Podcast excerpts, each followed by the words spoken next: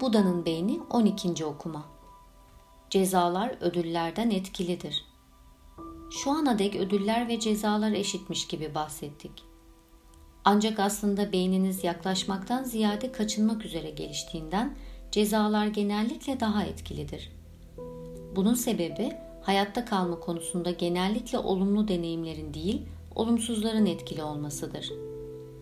Örneğin memeli atalarımızın 70 milyon yıl önce dünya çapında bir Jurassic Park'ta dinozorlardan kaçıp durduğunu hayal edin. Sürekli arkalarına bakıp en ufak bir çıtırtıya kulak kesilir, duruma bağlı olarak hiç kımıldamadan kalmaya, fırlamaya veya saldırıya geçmeye her an hazır olurlardı. Bu bir ölüm kalım meselesiydi. Yiyecek ya da çiftleşme fırsatı gibi bir ödülü kaçırdıklarında daha sonra yine yakalama şansları olurdu.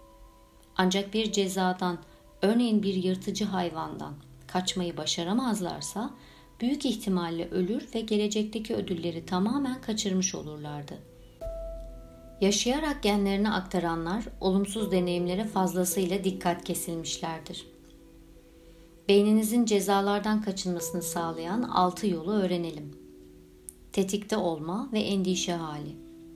Uyanıkken ve belirli bir şey yapmıyorken beyninizin temel dinlenme hali varsayılan bir ağı aktive eder ve bu ağın işlevlerinden biri de çevrenizdeki ve bedeninizdeki olası tehditleri gözlemektir. Sıklıkla bu temel farkındalığa sizi tetikte tutan arka plandaki bir endişe hissi eşlik eder. Bir dükkanda birkaç dakika boyunca biraz bile rahatsızlık veya gerginlik duymadan, tetikte olmadan dolanmaya çalışın. Ne kadar zor olduğunu göreceksiniz. Bu da gayet makuldür. Çünkü memeli, primat ve insan atalarımız avcı oldukları kadar avdılar. Buna ek olarak primat sosyal grupların çoğunda erkek ve dişiler oldukça saldırgandı.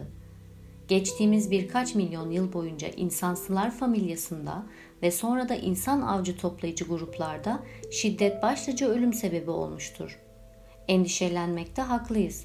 Çünkü atalarımız geçmişte çok fazla korku yaşadı. Negatif bilgiye duyarlılık. Beyin genellikle negatif bilgiyi pozitif bilgiden daha hızlı tespit eder.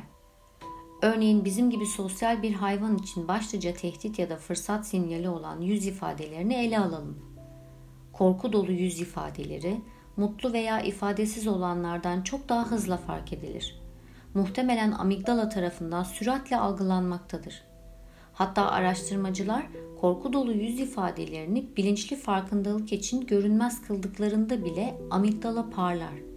Yani beynimiz kötü haberlere doğru çekilme eğilimindedir. Yüksek öncelikli depolama. Bir olay negatif olarak işaretlendiğinde hipokampüs bunun gelecekte referans olması açısından düzgünce saklanmasını sağlar. Sütten ağzı yananın yoğurdu üfleyerek yemesi gibi.'' Deneyimlerinizin çoğu ya pozitif ya da nötr olmasına rağmen beyniniz negatif deneyimlere bir zamp gibi yapışırken pozitif olanlar için teflon görevi görür. Negatif pozitife baskın gelir. Negatif olayların pozitiflerden daha çok etkisi vardır. Örneğin birkaç başarısızlığın ardından kolaylıkla öğrenilmiş bir çaresizlik hissi edinilirken birçok başarı sonucunda bile bu duyguları silmek zordur.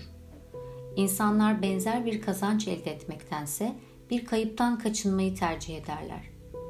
Kazazedelerin piyango kazananlara kıyasla normal mutluluk seviyelerine geri dönmeleri genellikle daha uzun zaman alır. Bir insan hakkındaki olumsuz bilgiler olumlulardan daha etkilidir ve ilişkilerde negatif bir olayın etkilerini silmek için yaklaşık 5 pozitif olay gerekir.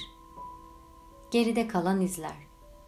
Negatif bir deneyimi unutsanız bile beyninizde yine de silinmez bir iz kalır. Bu kalıntı öncekine benzer korkuyu tetikleyen bir durumla karşılaşmanız ihtimaline hazır olarak öylece bekler. Kısır döngüler Negatif deneyimler sizi pesimist, aşırı tepki gösteren ve negatif düşünmeye meyilli biri haline getirerek kısır döngüler yaratır.